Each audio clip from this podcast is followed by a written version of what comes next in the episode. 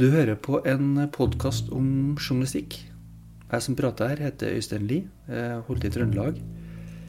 Vært frilanser eh, en del år. Både skrivende og tar bilder. Dette er da podkasten for deg som er interessert i journalistikk. Som er litt sånn eh, nyfinken på hvordan de kommer fram til historiene sine. Hva er metodene, hva er knepene i hele tatt? Hvordan fortelles en god historie? Det er ment for eh, andre journalister, men også for eh, vanlige folk som er nysgjerrige på hva journalistikk er. Jeg har lært en del underveis, og det håper jeg du òg gjør. Så god lytt. Gøran Skålmo er en gravejournalist som jobber i Dagens Næringsliv. Han har vunnet SKUP-prisen for undersøkende journalistikk hele tre ganger, og vært DNs korrespondent i USA. I denne podkasten får vi et gløtt inn i hvordan han jobber, og ikke minst hvordan han får tall og transaksjoner til å bli fortalt på best mulig vis. Det betyr at du skal høre godt etter, for da kan du lære noe som er veldig smart. Hør nå. Nei, tall er jo sjelden fortellinger. Så under tallene så er det jo som oftest ei fortelling. Og det er jo det som, eh, som er viktig å få frem. Altså tallene og økonomien og matematikken er jo egentlig bare bare avtrykk etter eh, en fortelling. Eh, og så, så, vi bruker jo egentlig den Alt det vi henter inn, altså fra regnskap til eh, dokumenter, til å på en måte sette sammen en, en fortelling. Så det handler om å på en måte heve blikket fra dokumentasjon. Vi skriver jo ikke en sak om skriver ikke en historie om dokumentasjon. Vi skriver jo en historie som skal dokumenteres. Så dokumentasjon er ikke saken, det er jo historien som er, er saken. Så det gjelder på en måte å heve blikket og komme seg ut fra det. Så du finner et dokument på at et møte fant sted på eh, et advokatkontor på Tjuvholmen rett før jul et år, så, så eh, er det fine fakta, det. Men uh, historien er jo hva som skjedde på det møtet på advokatkontoret, og hvorfor det var et møte på advokatkontoret, og hva som kom ut av det møtet på advokatkontoret, og på en måte få, få frem hva dette egentlig handler om, og hva som er historien. Du har jo vunnet tre eh, SKUP-priser. Mm. Men så leste jeg gjennom en rapport som du ikke fikk SKUP-pris, men som du fikk en diplom for. Som handla om en som heter Pål Diskerud. Mm. Og i den saken der så var det veldig mye jobbing med mennesker. Ja, du hadde også veldig mye innsyn i offentlige arkiver og, og sånne ting, men det var en sentral del da, å få folk som egentlig ikke kanskje vil snakke, eller har interesse av det, eller som er, på en måte har en sånn taushetskultur. Og i den rapporten der så dukka det opp FBI-agent John Saunders on Human Resources. Altså hvordan man finner kilder, kartlegger kilder, får kilder til å snakke, og finner nye kilder. Mm. Fortell litt om jobben med den saken. Ja, Det var en sånn sak der bare biter, bruddstykker, lot seg dokumentere sånn direkte gjennom offentlige dokumenter eller pant eller sånne økonomiske transaksjoner som satte spor etter seg. da. Det handler om grålån, altså ja, lån i, grå, uh, ja. i gråmarkedet? For ja. Og typisk så er jo da de som er de som eh, låner ut pengene, er kanskje shady, og de som låner penger, er kanskje også shady. For det er en grunn til at du går til en gråmarkedsutlåner i stedet for å gå til uh, banken. Og ja, det var mye personkilder i den saken. og men det er det samme trekket egentlig i alle saker. Det er en vekselvirkning, da. For eh, personer vet jo ting. Det er jo personer som gjør ting og utfører handlinger.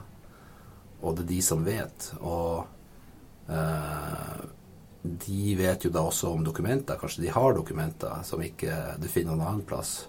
Så det å få den vekselvirkninga mellom folk som vet, og som kan gi deg hard dokumentasjon, er veldig viktig. Fordi at det er de som kan gi deg de dokumentene du ikke finner annet sted. Og um, det, er mye, det, er mye, snakk om anonyme kilder, muntlige kilder i journalistikk. Uh, og for meg så er det sånn at muntlige kilder er først og fremst viktig fordi at de kan lede til nye kilder. Til dokumentkilder, til hendelser, til, og til andre muntlige kilder. Eh, andre personer som har uh, vært borti dette.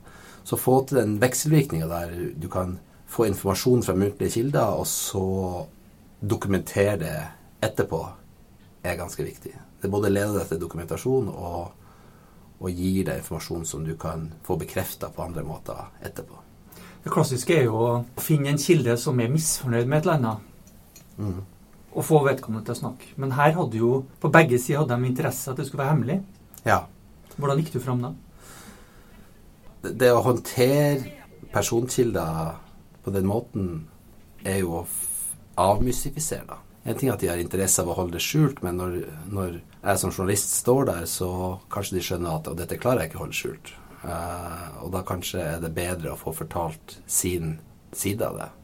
Det er jo ofte sånn i journalistikken at folk har, har et ståsted, og så ser det helt annerledes ut sett fra et annet ståsted. Sånn at uh, jeg tenker at det er en viktig motivasjon for kilder å snakke, er at de får frem sin, sin side av saken. Hvordan ting ser ut fra deres synsvinkel. Og da kan det ofte trumfe det at de kanskje helst skulle sett at dette ikke kom frem. Du, du snakker jo om den vekselsvirkninga. Mm. Hvis du har noen på noen, da, mm. og så Det kan være et lånedokument, det kan være hva som helst. Og da har du jo på en måte en slags grunn til å ringe din person, antar jeg. Ja. Og da, hvis vedkommende da ikke vil si noe, så vil de også si noe. Ja, det stemmer. Og sånn er det. Det, det er noe jeg har egentlig lært meg i senere årene som journalist, at fraværet av dokumentasjon betyr ikke nødvendigvis at det ikke har skjedd. Det betyr bare at det ikke kan dokumenteres. Ofte når du Vi jobber mye med økonomisk kriminalitet og bedrageri og svindel, og da, da lages det jo alltid masse dokumenter og dokumentasjon som skal få historien til å henge sammen. Og så sitter vi der som journalister og klør oss i hodet og sier at jeg får ikke dette helt til å henge sammen. Og så er det jo en grunn til det, og det er fordi at det henger ikke sammen. Det er bare, det er bare lagd historier som skal, som skal, se ut som, som de henger sammen.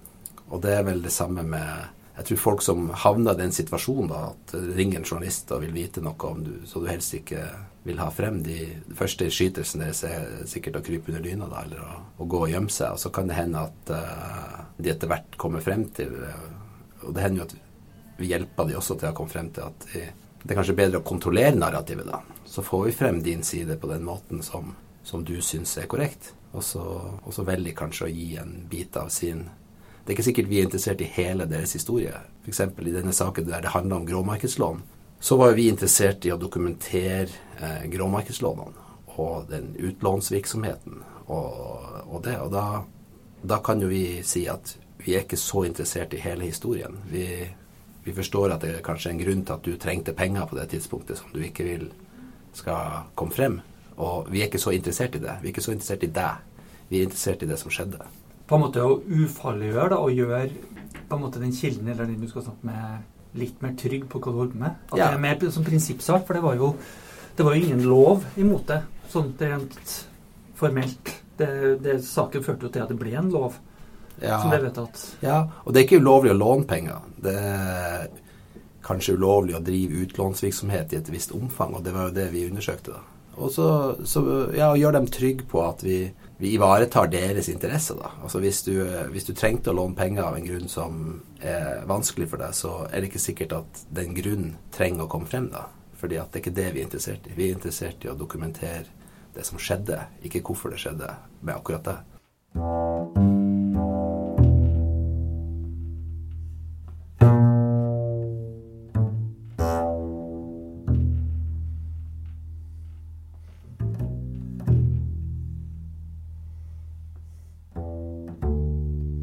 Men når du da har funnet kilden, og, og før du tar den telefonen først, så må du kartlegge kilden. Mm. Hvordan gjør du det litt sånn helt basic?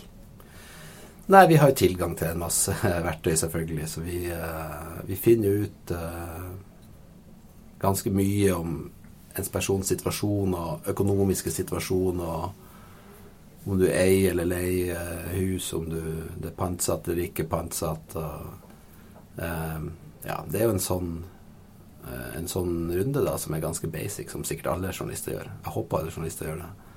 Kan du nevne hvilke? Altså hva som er offentlig tilgjengelig? Ja, det er helt basic er sånn type skattelister og eiendomsregister og sånt. Og også roller, næringsverv og næringsinteresser og sånn. Proff.no. Altså det finnes jo masse åpne kilder som, som, forteller noe om folk, ikke sant. Og hvis du har interesse i et selskap, så kan du se hvem andre som har interesse i det selskapet, og så kan du eh, liksom få et inntrykk av deres nettverk og deres virksomheter eh, på den måten, ved å gjøre helt sånn grunnleggende personresearch. Han Pål Diskerud der var han som da var på en måte styrt mye av de lånene der. Der var det jo en person som da heter Jesper Jeppesen. Mm. Som òg var styremedlem og styreleder i to av selskapene til Pål Diskerud der. Mm. Og Da gikk dere inn i Statens kartverk og skjønte at uh, det var en halvannen million i pant i, i, en eiendom som var eid av en finansmann. Nylende. Nylende. Knut Harald Nylende. Um, så gikk dere også og sjekka litt ut faren. Eh, hvor dere gikk i Brønnøysundregisteret og fikk en historisk oversikt over ting. Og Der kom dere over noen rettsdokumenter. Eh, en sivil rettssak mellom faren og en annen person. Så da har dere begynt å nøste i det her på, på egentlig veldig enkle eller offentlig tilgjengelige dok eh, dokumenter. Mm. Men så gikk dere også inn i eh, baser som ikke er, altså, som ikke er offentlige, men som dere har sikkert abonnement på og sånne ting. Mm. Det er kanskje hemmelig, det, eller kan du fortelle noe der? Nei, det er mange sånne tjenester av baser. Noen av de er jo offentlige, sånn som Infotorg. Eh, som eh, presse og journalister har tilgang til eh, deler av. Det er jo en offentlig tjeneste der det offentlige samler masse av sine registerinteresser. Eh, bilregister, arbeidstakerregister, alt sånt. Og noe av det har journalister tilgang til, og andre har journalister ikke tilgang til. Sånn som jeg forstår det, så f.eks. arbeidstakerregisteret noe du ikke har tilgang til. Så det Og så er det sånn eh, firma som tilrettelegger tjenester som kredittopplysningsfirma og, og, sånn som, eh, som samler informasjon. Aggregerer informasjon fra ulike typer kilder. Da. Hvis du jobber i litt mindre avis med færre, færre ressurser, kanskje et lokalsamfunn, og så er du har du hunch på en sak som du skal rulle opp. Hvordan, hvordan bør du gå fram da? Jeg vet ikke hvor mye det skiller seg en liten avis fra en stor avis. Altså, små samfunn er mer gjennomsiktig, selvfølgelig. Men man må jo sikre seg at man kommer i kontakt med de som vet noe om saken, og som kanskje enten er fri til å fortelle noe om det, eller har interesse om å, å fortelle noe om det. Og kanskje få dem i tale før, før det begynner å flyte rundt i miljøet at uh, nå er journalisten ute etter å eksponere oss. Så det er på en måte likt. Og så, eh, når du spurte, så tenkte jeg at du mente det, at det, ja, det er mindre forhold og færre mennesker som det gjelder, og som er involvert og sånn. Og det, det, kan det jo sikkert være. Og da, hvis saken er viktig, så er den jo viktig. Da må man på en måte jobbe det for det det er verdt. Da. Jeg har egentlig ikke sånn mange tips. Det er jo hardt arbeid, selvfølgelig. Det er en klisjé å si, men jeg tror egentlig det beste, det beste tips eller innsikten sånn sett er kanskje at det er som oftest ikke én metode som bringer deg til målet. Det er en sånn uh, En mengde metoder. Altså det, det er egentlig å være så interessert i uh, å finne ut av dette, og så motivert til å finne ut av det at man klarer å bruke kreativiteten til å Det, det er som en mosaikk, da. Sant? At det liksom Amerikanerne prater om the smoking gun. Det er nesten aldri the smoking gun, men det er tusen andre puslespillbiter som gjør at du klarer å få hele bildet sammen. Og man må kanskje være i stand til å være motivert til å gjøre mange ulike typer research for å, for å virkelig eh, komme til bunns i en problemstilling. Men av og til er det sånn at du begynner en flik, det, eller du har en brikke, så har du en ny brikke osv. Mm. Men det er ikke bestandig at du har hele puslespillet heller. Men du har kanskje nok til å publisere, publisere en sak. Mm. Når vet du at du har det? Som ofte så vet jeg det ganske tidlig. Uh, jeg har liksom funnet at ofte så er det sånn at uh, ok, vi vet at det er en sak, men vi hopper på det helt store, ikke sant? Uh, vi håpa kom helt i mål og dokumentere store, det store bildet. Vi skrev en sak om en bruktbilhandler i Drammen som, eh, som drev og solgte bruktbiler til kjendiser med gjenkjøpsavtaler. Dvs. Si at de hadde nesten gratis bil i et år eller i tre måneder. Kunne, kunne masse komikere og skuespillere og sånn som hadde som hadde en Porsche en stund, og så kjøpte han den tilbake for nesten samme prisen. Og det gikk liksom ikke helt opp. Og så, og så hadde det vært en morsom historie hvordan denne brukbilhandelen lar kjendiser få kjøpe biler med gjenkjøpsavtale og, uh, for å få god reklame. Da Så det var jo, da visste vi at ok, det blir en ok story. Men hva er det egentlig han holdt på med? Så når vi begynte å grave oss ordentlig dypt ned i det, så så vi at det lå jo egentlig en, en ganske stort bedrageri bak her. Han brukte jo alle disse biltransaksjonene til å blåse opp regnskapet på, på bilbutikken sin, og han lurte jo eh, bankene til å gi mye mer lån, ikke sant. Han, eh, la oss si at han fikk lov å låne 10 millioner for å ha biler på lager, så, så solgte han på en måte biler falskt, da. Han visste jo han måtte kjøpe de tilbake, og dermed så skjøv han det lånet over på kunden, så at han kunne ha enda flere biler i sirkulasjon, da. Bare det at han han var låneagent for samme banken som lånte han penger, så dermed så kunne han på en måte spre det ut og rundt. Og så til slutt så, så kollapsa det, da. Men før det så, så hadde han pumpa opp regnskapet så mye at han fikk solgt bilbutikken sin for en eh, avskyelig høy pris i forhold til hva, hva, han egentlig tjente penger på. Da, og det er et eksempel på at du begynner med at du eh, har en fyr som driver små litt sånn småfiffel med noen kjendiser for å holde biler i sirkulasjon til at du har egentlig en, en fyr som har begått et stort uh, bedrageri mot, mot, de som endte opp med å kjøpe bilbutikken hans.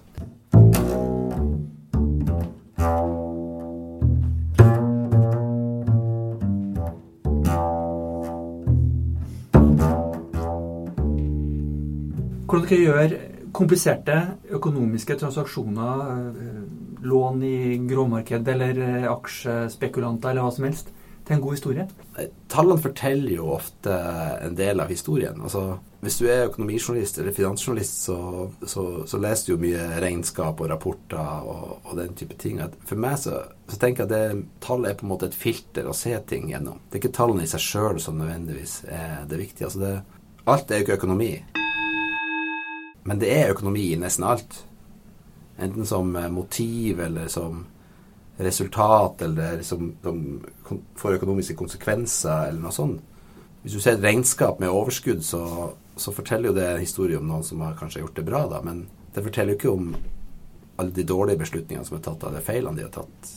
Og også hvis et regnskap viser at noe har gått dårlig, så forteller ikke det hele historien heller, for det kan ha gjort masse som er bra. Altså Hvis man skriver om sport, da, hvis du skriver om fotball, så trenger man jo ikke å være så veldig observant for å vite at penger gjennomsyrer fotballen eh, spilleroverganger, eh, sponsorinntekter, bygging av stadion. Alt sammen er ofte økonomisk motivert, har økonomiske konsekvenser. Og selv om det er fotball som vi alle elsker og liker å se på, så er det også big business. Eh, og den overgangen til Messi f.eks. er en måte å se det på. Altså, den, det er jo ikke bare et menneske som går fra en klubb til en annen. Det er jo det er virkelig eh, hendelser som eh, både begrunner økonomisk, og som har enorme økonomiske konsekvenser. Så det er det jeg tenker gjør økonomijournalistikken litt interessant. Jeg håper jo at alle som driver med journalistikk, om det er kulturjournalistikk eller sportsjournalistikk eller, eller andre deler av journalistikken, også prøver å forstå økonomien i det, for den betyr eh, ofte ganske mye. da. Den kan fortelle ganske mye om hva som egentlig skjer. Jeg husker Da jeg var helt ung og hadde begynt å jobbe i Dagens Næringsliv, så så gikk Skiforbundet konkurs. Og dette var liksom i sportssidene på alle avisene i dagevis. Og vi satt i Dagens Næringsliv og klødde oss i hodet og sa burde vi inn der liksom og skrive om dette? Det er ikke egentlig, Vi er jo ikke så mye på sport vanligvis. Så jeg dro på en pressekonferanse nede på Skiforbundet. Og da hadde avisa virkelig skrevet om det i flere dager. Og så sto alle disse kjente sportsjournalistene i kø for å snakke med med folkene i eh, Skiforbundet. Og så, rekte opp hånda og spurte kunne jeg fått en kopi av, av, regnskapet. Og Da ble det sånn helt sånn stille i rommet, og alle andre begynte å rekke opp hånda og si de også ville ha regnskapet. Så viste at de hadde skrevet i dagevis om konkursen i Skiforbundet, og ingen hadde noen gang sett på regnskapet.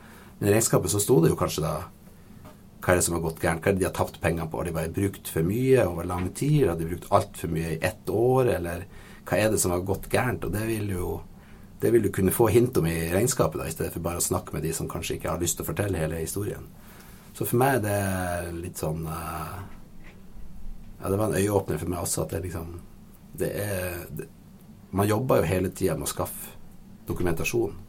Og i alle ting som har med økonomi og det er penger involvert, så er regnskapene og dokumentasjon på det også blant det viktigste du kan få tak i. Hvordan leser du et regnskap helt sånn enkelt? Nei, helt enkelt er det jo uh, inntekter minus kostnader er om du går med overskudd eller underskudd. Men uh, jo mer du vet om det, jo mer kan du forstå ut av, uh, ut av et regnskap. Og et stort regnskap har ofte noter som forklarer detaljer. F.eks. hvor høy er lønna til daglig leder, eller hvor kommer disse finansinntektene fra, og hvordan, hvordan andre selskaper eier dette selskapet, aksjer i osv. Så, videre. så det, det fins eh, masse dokumentasjon også utover selve liksom, krona og øre-tabellene. Det er mye kraft i fotnota? Absolutt.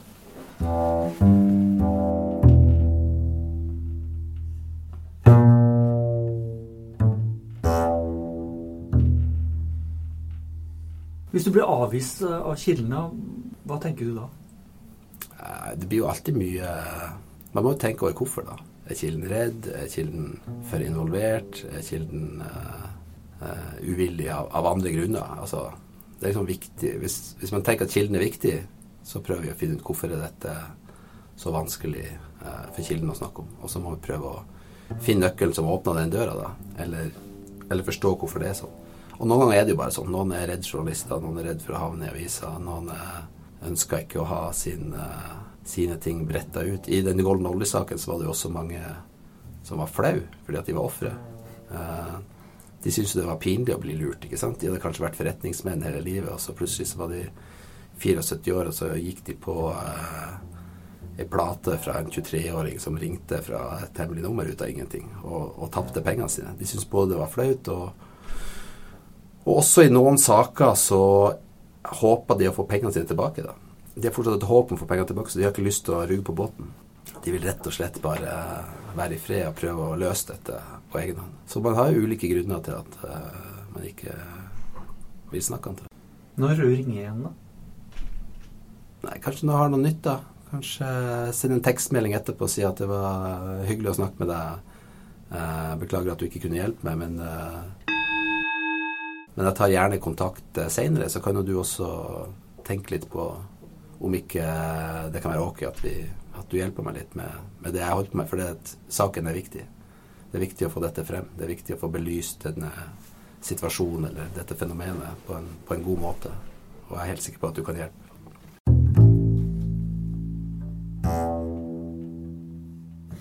Et verktøy er å ha kilder på tvers av saker. På en måte et slags kildetre. Kan du forklare litt med hva det går på? Ja, dette er sikkert også fra en Scoop-rapport i eh, saker jeg gjorde med, med, min kollega Knut Gjernes. Eh, og vi hadde en periode der vi så at det sprang flere saker ut fra, fra samme kompleks. At det var et, eh, et miljø som var involvert i flere, flere ting der, på en måte. Eller at de, de eh, tangerte hverandre. Uh, og det er klart at Hvis noen kilder har mye informasjon om ja, si hvitvasking av penger, da, så vet de kanskje om flere tilfeller. De vil ha uh, flere eksempler å komme med. De vil kanskje ha vært, uh, Hvis de har vært involvert, så kan de ha vært involvert i, i flere saker. Hvis de har vært offer, så kan de ha vært offer i flere saker. Så vi, så, vi hadde meg og Line Dugstad i DN hadde en sak om det vi kalte Golden Oldies som var sånne grå meglerhus som ringte rundt og, og lurte eldre mennesker til å investere i eiendomsprosjekter. Og en av de tingene som var overraskende, var jo da at eh, mange av de ofrene ble oppringt av flere ulike gråmeglerhus. Og da, begynt, da, da, kunne vi jo på en måte få innspill til hvor ellers skal vi se etter dette. Altså, Kanskje vi begynte, med, vi begynte vel med å se på ett spesifikt uh, miljø. uh, som ingen hadde skrevet om før. Og så begynte vi å høre fra ofrene at de hadde blitt oppringt av den, og de hadde blitt oppringt av den. og Kanskje til og med av samme person og jobba på to forskjellige steder. Så begynte vi å se liksom, at ok, er det et system her? Er det et, er det et nettverk av selskap, eller hvordan, hvordan er det dette henger sammen? Og da kan jo ofte samme kilde være i stand til å gi opplysninger om flere ulike eh, komplekser. Og så er det vel sånn også i journalistikken at når hvis du har Hvis du eh, får gode kildeforhold med folk som kan mye, så vil du kunne opprettholde relasjonen til kilden, og at den kilden kanskje hjelper deg med flere saker. Eh, det er jo en, eh, det er en bra ting. og Det betyr også at du har gjort en god jobb med kilden hvis han fortsatt er villig til å fortsette å snakke med deg. Hvor mye research bruker dere på fortellinga? I den type saker altså Jeg skriver jo stort sett store magasinsaker. Og da blir det fort kjedelig hvis det bare er tall og fakta. Så vi bruker en del ressurser også på research, fortellergrep og, og få frem eh, kjøtt og blod, som vi sier, eh, i saken, da. Ja, jeg vil si at vi bruker, la oss si vi bruker 20% av eh, ressursene på, på å eh, researche eh, historiefortellinga. For det er liksom nødvendig. Du kan vite at uh, selskapet har kjøpt et, uh, et hotell i Afrika, liksom. Uh, men skal du fortelle en god historie om det, og det er en historie rundt det, så, så må man kanskje dra til Afrika. da. Man må kanskje beskrive det til hotellet og vise hvor det ligger, og hvordan det ser ut, og på en måte forstå hva som er spesielt med det. Hvorfor kjøpte dette selskapet akkurat det hotellet? Altså, det, er, det er så mye mer til historien enn de, enn de tørre faktaene. Mens så vær på stedet, på en måte? Ja. Mm. Veldig mye vær på stedet. Jeg kom hjem fra reportasjereise i går, og det var Det gir uh, ofte utrolige resultater av å være på stedet. Oppsøke de folkene og de hendelsene, og kanskje ofte stedene der det hendte, på, uh, i ettertid. Fattigmannsversjonen kan være Google, da? Altså Fattigmannsversjonen kan være Google, men det og det spørs jo hvor viktig det er. Ofte så er Google nok. Men noen ganger så, det, så gir det mer å være der. I går var jeg i en liten britisk eh, by. På Google Maps så ser det ut som eh, alle andre britiske små byer med små hus i ei gate. Men det er når du kommer dit du skjønner at det har en yachtklubb, og det er et seilersentrum, og det er, det er egentlig ganske velstående samfunn der mange folk fra London har sommersteder. og og sånn, det, det, skjønte ikke jeg umiddelbart ut fra Google Maps. Det handler egentlig om å prøve å gå så dypt inn i det du skal undersøke som mulig. da. Det å komme seg så langt inn i det at man får en følelse med, med lukt og farge og kan liksom tenke seg litt hvordan, hvordan var det her, så at man klarer å beskrive så godt som mulig hvordan, hvordan var det her. Så Man kan dra til et sted hvis man vet at det har vært et møtested. så kan du, Hvis du drar dit, så kan du si at her er jo helt ulogisk plass å ha møte. Hvorfor møtes man her?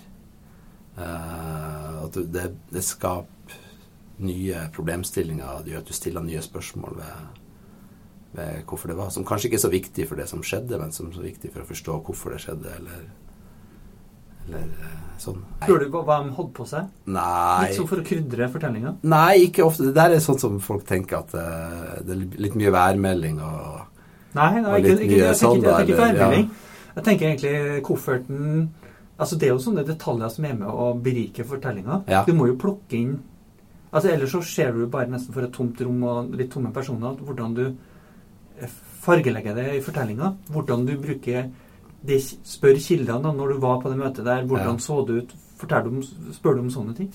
Eh, kanskje. Så oftest når vi bruker sånne beskrivelser, så har vi enten sett det sjøl, eller sett bilde av det, eller video av det, eller eh, at eh, det er på en måte ekte. Altså, jeg, jeg, jeg, jeg, klar, jeg prøver å tenke på spørsmålet ditt, og jeg klarer ikke helt å se for meg at jeg er så interessert i fargen på skjorta til noen som var i et møte når jeg jobba med en sånn sak, for jeg er som oftest mest opptatt av hva som ble sagt, og hvem som var der, og, og den type ting. Så i, i den grad vi bruker sånne detaljer og sånne elementer, så er det som oftest fordi at vi har måte, dokumentasjon på det også. Det høres, eh, det høres, veldig rart ut, men det er litt sånn tilfeldig dokumentasjon. At det fins et bilde, da, eller at uh, man kan lese noe ut av uh, situasjonen. Det, men jeg er helt enig. Man, det fargelegger situasjonen, og det altså situasjon, hvor man er henne, hvordan det hvordan det ser ut der. Det gir både ikke bare farge, men det kan jo også gi troverdighet. Når man vet så mye at man kan si at man var på hjørnesuiten eh, der eller der med utsikt over Middelhavet, så, så, gir det også et signal til leseren om at eh, mm, ja, det jo veldig presis informasjon. Her må Hva slags bil som ble kjørt, f.eks. Ja. Og litt Ja. sånne ting. Så det er et signal på at man har, eh, man har presis og troverdig eh, informasjon. Og så kan ikke leseren alltid kontrollere det sjøl, men som oftest så er jo bilder og, og sånn som eh, dokumenterer det også, helst. Jeg har sittet i foajeen på et hotell i Canada en gang der et sånn eh, illegalt pokerselskap hadde generalforsamling. Eh, og det var liksom i all hemmelighet styrt fra Norge gjennom en, et advokatfirma her som ja, lang historie og, og komplisert opplegg. Men vi visste at det skulle være generalforsamling, at alle nøkkelpersonene som da hadde gjemt seg for myndigheter i mange land, skulle møtes på et hotell, et flyplasshotell i Toronto. Og eh, dro dit. Og jeg og en fotograf vi, vi satt altså i det møteromsresepsjonen, eller lobbyen, på det hotellet en hel dag og kunne observere alt og se alle som kom og gikk. og og ja, som du sier, hva de hadde på seg, og hvordan, hvem som snakka med hvem. Og, og det er det er utrolig eh, viktig dokumentasjon for å kunne gi troverdighet til, til historien. Det er liksom det som løfter det fra å være en papirtiger der du har et tørt generalforsamlingsreferat, til å faktisk eh, fortelle historien om hva som skjedde, og hvem som var der, hvor de fløy fra for å komme dit, og, og, eh, og hvordan dette var. Og det er ofte sånne detaljer som er med på å ikke bare fargelegge historien, men også gi den troverdighet. Og gi en sånn nærhet til det som skjer, at eh, folk skjønner at dette skjedde, og at dette er sant og ekte. Spurte de folkene, da? Snakka du med dem? Uh, nei, jeg snakka ikke med henne når vi var der og da. Det var litt, det var en litt for skarp situasjon. Jeg skjønner. Fotografi, altså hvordan ble det tatt foto? Ble Ja. det litt sånn i skjul, da, eller? Ja, da hadde vi gode bilder. Jeg husker et godt triks fra den var at uh, av en eller annen grunn så visste jeg at disse kikkhullene i, uh, i døra som du har på hotell, på møterommene så står de den andre veien, for det er meninga at de som rydder og kommer med mat og sånn, skal kunne se inn. Om det er noen der, om det passer å komme inn. Mens på hotellrommet ditt ser er det for at du skal se, kunne se ut. Hvem er det som banker på døra?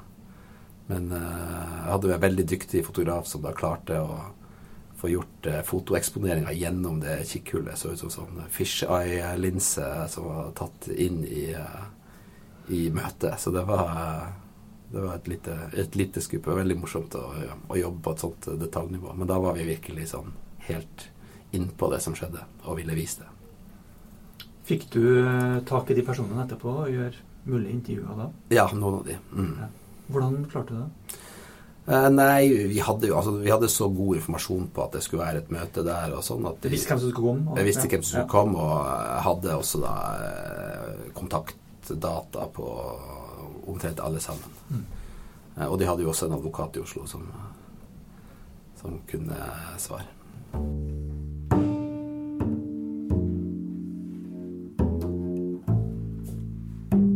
Man prøver jo å disponere en sak, da. Man prøver jo å, å, å få en sak til å uh, henge sammen når man skal skrive den. Og når det er en stor og kompleks sak, så er det liksom viktig å prøve å sette sammen hva er det som skjer her. Og jeg tror det, det, er viktige, det viktige hjelpemidler du skal drive med gravejournalistikk generelt. Det er å prøve å sette ting i system. da. Tidslinjer. Altså mange saker som lar seg løse ved å se på tidslinja. Altså, du har bare et helt klart forhold til hva skjedde først, og hva skjedde sist. Og, og så kan man kanskje lese ut årsak og konsekvens av det. Altså, jeg, jeg ble spurt på et tidspunkt om jeg kunne skrive et sånn uh, artikkel til et Scoop-tidsskrift. Og ble bedt om å skrive om uh, induktiv metode. Og jeg bare lurte på Faen, altså. Jeg kan jo ingenting om induktiv metode. Og så begynte jeg liksom å lese om det, og så ser jeg at det er jo dette vi, vi driver med. Altså det er jo eh, Når man har holdt på med det en stund, så mister kanskje litt sånn systematikken i seg sjøl av syne. Men det er klart at det å drive med hypoteser og hypotesetesting og eh, ja, det som da eh, kalles en induktiv metode, eller hypotesebasert eh, eh, undersøkelse Det er jo det vi holder på med. Det er det du holder på med som journalist. ikke sant? Du begynner jo å skrelle løken. ikke sant? Hvis du får et tips eller har noe du har lyst til å undersøke, så undersøker du de enkle tingene først, det som er lett tilgjengelig, og så bruker du det til å si ok, hva får jeg vite fra dette når jeg kan gå dypere i, ikke sant. Når du vet hvem som er involvert, så kan du begynne å jobbe med kilder, og så kan du og så skreller man seg lenger og lenger inn mot løken, da, ikke sant, og kaster man bort det som er uinteressant, og så, og så fortsetter man på det som er, er interessant. Så det er jo eh, Selve metodikken er jo eh, Kan jo se veldig mekanisk ut når man beskriver den i ettertid, men vi jobber jo alle etter en metode og et system. Man kan ikke løse store saker hvis man ikke er systematisk. Uh, og så kan man ha et mer eller mindre bevisst forhold til systematikken ettersom man går. Men det er klart at når man, når man setter seg ned og skriver metoderapporter, så, så, er det jo litt av jobben å være mer bevisst på systematikken og prøve å forklare og lære andre hvordan er det man går frem for å komme til målet. Med tidslinja eller gule lapper, da, rett og slett? Ja, vi er jo økonomijournalister, så vi bruker regneark. og det, Til og med sånn tavle sånn eh, streker mellom personer sånn, sånn. Det har, Ja, det skjer det også. Det, det, gjør det. Men det blir jo mer og mer digitalt, det jo, og det er jo bra. Det er viktig viktigere å ta vare på dokumentasjon. Også gule lapper på en vegg, de forsvinner på et, et eller annet tidspunkt. og hvis man blir saksøkt tre år senere, så er ikke sikkert de gule lappene eh, er så lett å, å rekonstruere. Så, så, det blir mer og mer eh, digitalt. Men det er klart det Ja. Men når du skreller den løken, da mm. De sier jo liksom at det er ingenting der. Men jeg innbiller meg at du er da i Dantes inferno med grådighet. Er det mye det som er beveggrunnen til at folk begår økonomisk kriminalitet? Ja, sikkert. Altså ja, penger er jo en viktig motivasjonskraft. Men det varierer jo. Du har jo på en måte Økonomisk kriminalitet kan jo være alt fra å stjele 1000 kroner som ligger på et bord, på å si, til, å, til å drive med ganske sofistikerte uh, bedragerier, da, eller uh, Og mange er kanskje nesten ikke engang bevisste på at det de gjør, er gærent, for de er så, opp, de er så overbevist om at dette er riktig for meg. Så det er penger er jo ofte en drivkraft, men også, også ønsket om å suksess, eller fremstå suksessfull, eller fortelle en historie om at du er en vinner, liksom. Så, så er det jo ofte pengene da som viser om du er en vinner. At du har, at du har kommet ut av det på topp. Vi skrev jo om Gjermund etter at denne korrupsjonssaken eh, sprakk. Og alle avisene ville skrive om forholdet mellom Erik Jensen og Gjermund. Men uh, Knut Gjerne som jeg, vi så jo at uh, her er jo egentlig bare sprengt åpen et helt miljø, da, med en uh, narkotikasmugler er avslørt, og vi kan jo gå inn og begynne å researche hele hans nettverk. Alt, altså hans forretninger, hans Hva eier han, hva, hvem er det han jobber med, hva er det som skjer rundt han? For én ting er å, å få inn narkotika, noe annet er å få de pengene i sirkulasjon. Det er det vi ser som økonomijournalister, at hvitvaskinga er jo halve jobben. Um, og det forundrer meg egentlig, for vi så jo da at politiet sa at de hadde jakta på han i 20 år. De hadde hatt mistanke om at han drev med narkotika i 20 år, men de hadde aldri fått noe på han. Og i rettssaken så kom det frem at uh, Gjermund Kappen har aldri vært registrert som arbeidstaker noe sted. Han har aldri hatt en jobb. Han har, hvis jeg husker riktig, så har han omtrent aldri betalt skatt.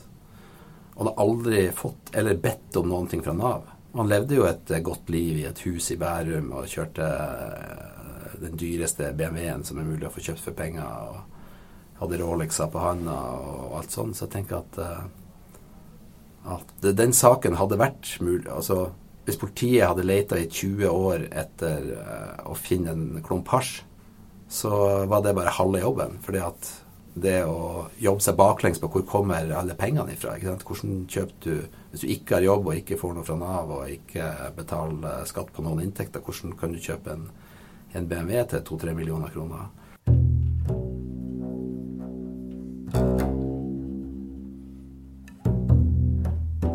Det er jo en av våre plikter.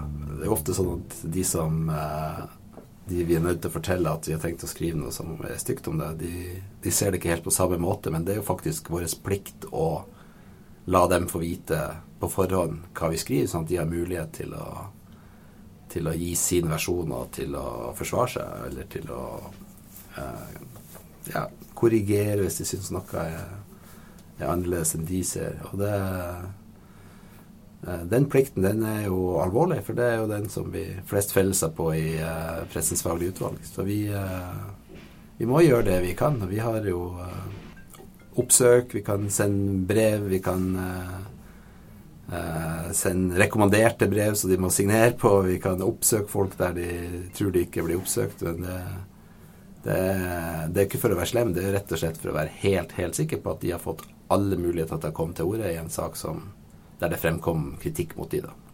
Dere har også fått folk til å levere brev, f.eks. i Spania. Ja. Vi må det. Sånn som, sånn som Vær varsom-plakaten er, og praksisen i Pressens faglige utvalg, så, så er vi jo forplikta til å gjøre det vi kan for at vedkommende skal få mulighet til å komme til orde. Så da, det holder jo liksom ikke bare med en telefon eller uh, tekstmelding? Nei, ikke sånn som vi ser det, men altså Nå lager vi ganske store gravesaker som ofte har ganske stor gjennomslagskraft. Så det er liksom ekstra viktig å sørge for at vi er helt sikre på ikke bare at vi har gjort det, men også at vi kan dokumentere at vi har gjort det. For det er jo også et, eh, et tema. Vi kan godt ha fått gitt uh, beskjed til folk, men hvis ikke vi kan dokumentere det, så vet vi aldri hva som kommer i, i PFU eller i en rettssak etterpå. Du var jo USA-korrespondent fra 2001 til 2004. Og på den tida så var det jo Enron-skandalen. Ja. Hvordan dekket du den? Ja, det var jo en enorm skandale, egentlig, som uh, Den har jo litt ekko i dag, da, for den påvirka hele energimarkedet i USA. Gjorde at strøm uh, ble veldig dyrt, og det ble blackouts og, og sånn.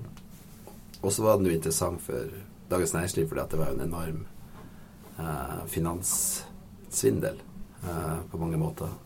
Og ja, man blir litt utafor når man er alene korrespondent i et fremmed land og skal skrive om det. Man blir jo selvfølgelig litt utafor og man har jo ikke sjanse til å konkurrere mot ti journalister fra Wall Street Journal som, som, står på hodet for å finne ut av dette. Så det blir jo en del referering, men også, også biter av det som er, som er veldig interessant, og som man kan uh, gå videre på sjøl. En av de tingene jeg skrev en del om, var jo uh, revisorene som hadde signa off Altså hvis regnskapene til Enron var uh, fri fantasi, nesten så var det jo noen som hadde et ansvar for å kontrollere dem, og det var revisorene. Og jeg intervjua eh, jusprofessorer og andre som hadde, hadde liksom meninger om hvordan, hvordan, dette egentlig skulle være, og som da leda meg inn på en sånn, det som for meg ble en slags linje, som jeg også tatt med meg videre fra England også. Eh, det var en jusprofessor som kalte det for 'bribing the gatekeepers'.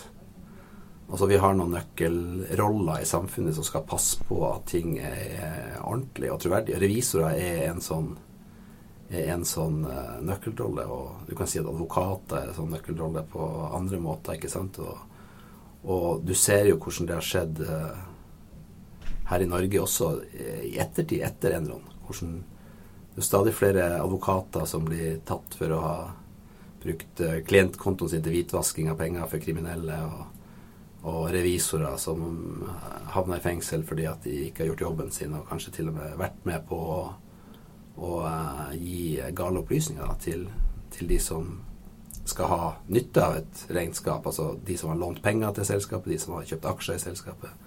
Det skal være riktig. Så i Enron-saken så ble det en sånn, uh, en sånn uh, linje for meg som jeg fulgte litt. da. Jeg var i rettssaken eh, mot eh, Arthur Andersen, som var revisoren, i Houston eh, da de ble dømt. Og det var jo et av verdens største finansselskaper. Altså, da jeg studerte økonomi, så var det en av de største arbeidsgiverne som kom på Handelshøyskolen og tilbød unge studenter jobb som, som revisorer. Og den dommen gjorde rett og slett at selskapet gikk under. Det gikk konkurs. Forsvant. Mista retten til å drive med den type ting. Og det er jo et, et jordskjelv i økonomisk sammenheng. Og det litt artige med det var jo at Arthur Andersen opprinnelig var norsk. Så det hadde jo en sånn uh, forgreining til Norge også, som var lett å fortelle ut ifra. Hvordan gjorde du det, da? Nei, vi, vi, eh, vi, skrev vel en historie som gikk opp litt uh, Historien til Arthur Andersen, hvordan dette var en uh, Husker jeg ikke alle detaljer. om Han var fra Drammen, eller en regnskapsfører fra, fra lille Norge som la, skapte et firma som ble verdensomspennende. Og som, som, gikk seg bort. Som ikke skjønte sin egen rolle, og som endte opp med å rote bort alt som var bygd opp. Det var en, en veldig ja, stor fortelling. Men den saken ga meg også veldig mye innsikt i hva som kan gå galt, og hvordan, hvordan sjøl store firmaer kan være bygd på, på korthus av løgn. Eh, og hvordan en hel bedriftskultur kan bli gjennomsyra av, av kriminalitet, da, rett og slett. Egentlig ganske sjokkerende å se for seg. Uh, som jeg tror har uh, forma mye av det jeg har gjort som journalist etterpå. Da. Noe som sitter i, uh, ryggmargen min, var, var, din rapport fra Tvillingtårna. Og det handler jo ikke om økonomijournalistikk i det hele tatt. Nei. Hvordan var det? Nei, det var dramatisk, selvfølgelig. Jeg hadde, ikke, jeg hadde akkurat begynt som eh, korrespondent i, i, New York da dette skjedde. og Som alle andre journalister så løp jeg jo til stedet der det brant, og ikke fra. Og, og ble vitne til at de tårnene, eller det første tårnet kollapsa. Eh, rett foran ansiktet på oss. Vi var kanskje meg og kona mi, som også var med, eh, var kanskje 400-500 meter fra, fra, World Trade Center da det første tårnet raste sammen. Og det er jo en sånn uh, grensesprengende sendelse. Og det er jo en, det er en det er et vendepunkt i verdenshistorien på så mange måter. Uh, men som journalist så blir det jo, som norsk journalist i New York da, så blir det jo veldig liten. Du har jo ikke jeg husker at det var nesten litt vanskelig å jobbe etterpå, for jeg kunne aldri være i kjernen av historien. Sånn som du har lyst til å være som journalist. Du har lyst til å være den som driver historien, og som tar tak i den, og som åpner nye, nye perspektiver og får frem ting som andre ikke har, har fått frem. Og det gjør du jo bare ikke når du konkurrerer mot eh, ikke bare hele amerikansk presse, men hele, hele verdens presse, egentlig. Du blir liksom satt tilbake til å å rapportere litt eh, fra det. Så da, og da blir det mer å prøve å oppsøke hendelsene. Jeg husker veldig godt det var på åpninga av New York-børsen, som var viktig for Dagens Næringsliv og for økonomijournalistikk generelt. Da, eh, noen få dager etter 11.9., og det var tanks i gatene og bevæpna soldater overalt. og vi kunne like gjerne vært i Beirut som i, eh, på Manhattan. Det, så det er det å, å beskrive, beskrive, det For jeg, jeg, tenker at det er kanskje rart å sitte i Norge og se på dette og ikke helt forstå uh, den følelsen, eller hvorfor er det så ille, eller hvor ille er det? Å prøve å formidle det til uh, Norge da, var, jo, var viktig, da. Ikke så mye fakta, ikke så mye harde fakta og konsekvenser og sånn. Det er også etter hvert, men, men å rett og slett bare formidle hvordan er det her nå. Han du hørte her, var Gøran Skålmo i Dagens Næringsliv. Neste på lista er Leif Welhaven, sportskommentator i VG. Og så er det bare én siste ting. Eh, den som spiller bass i podkasten, han heter Asker Skrove.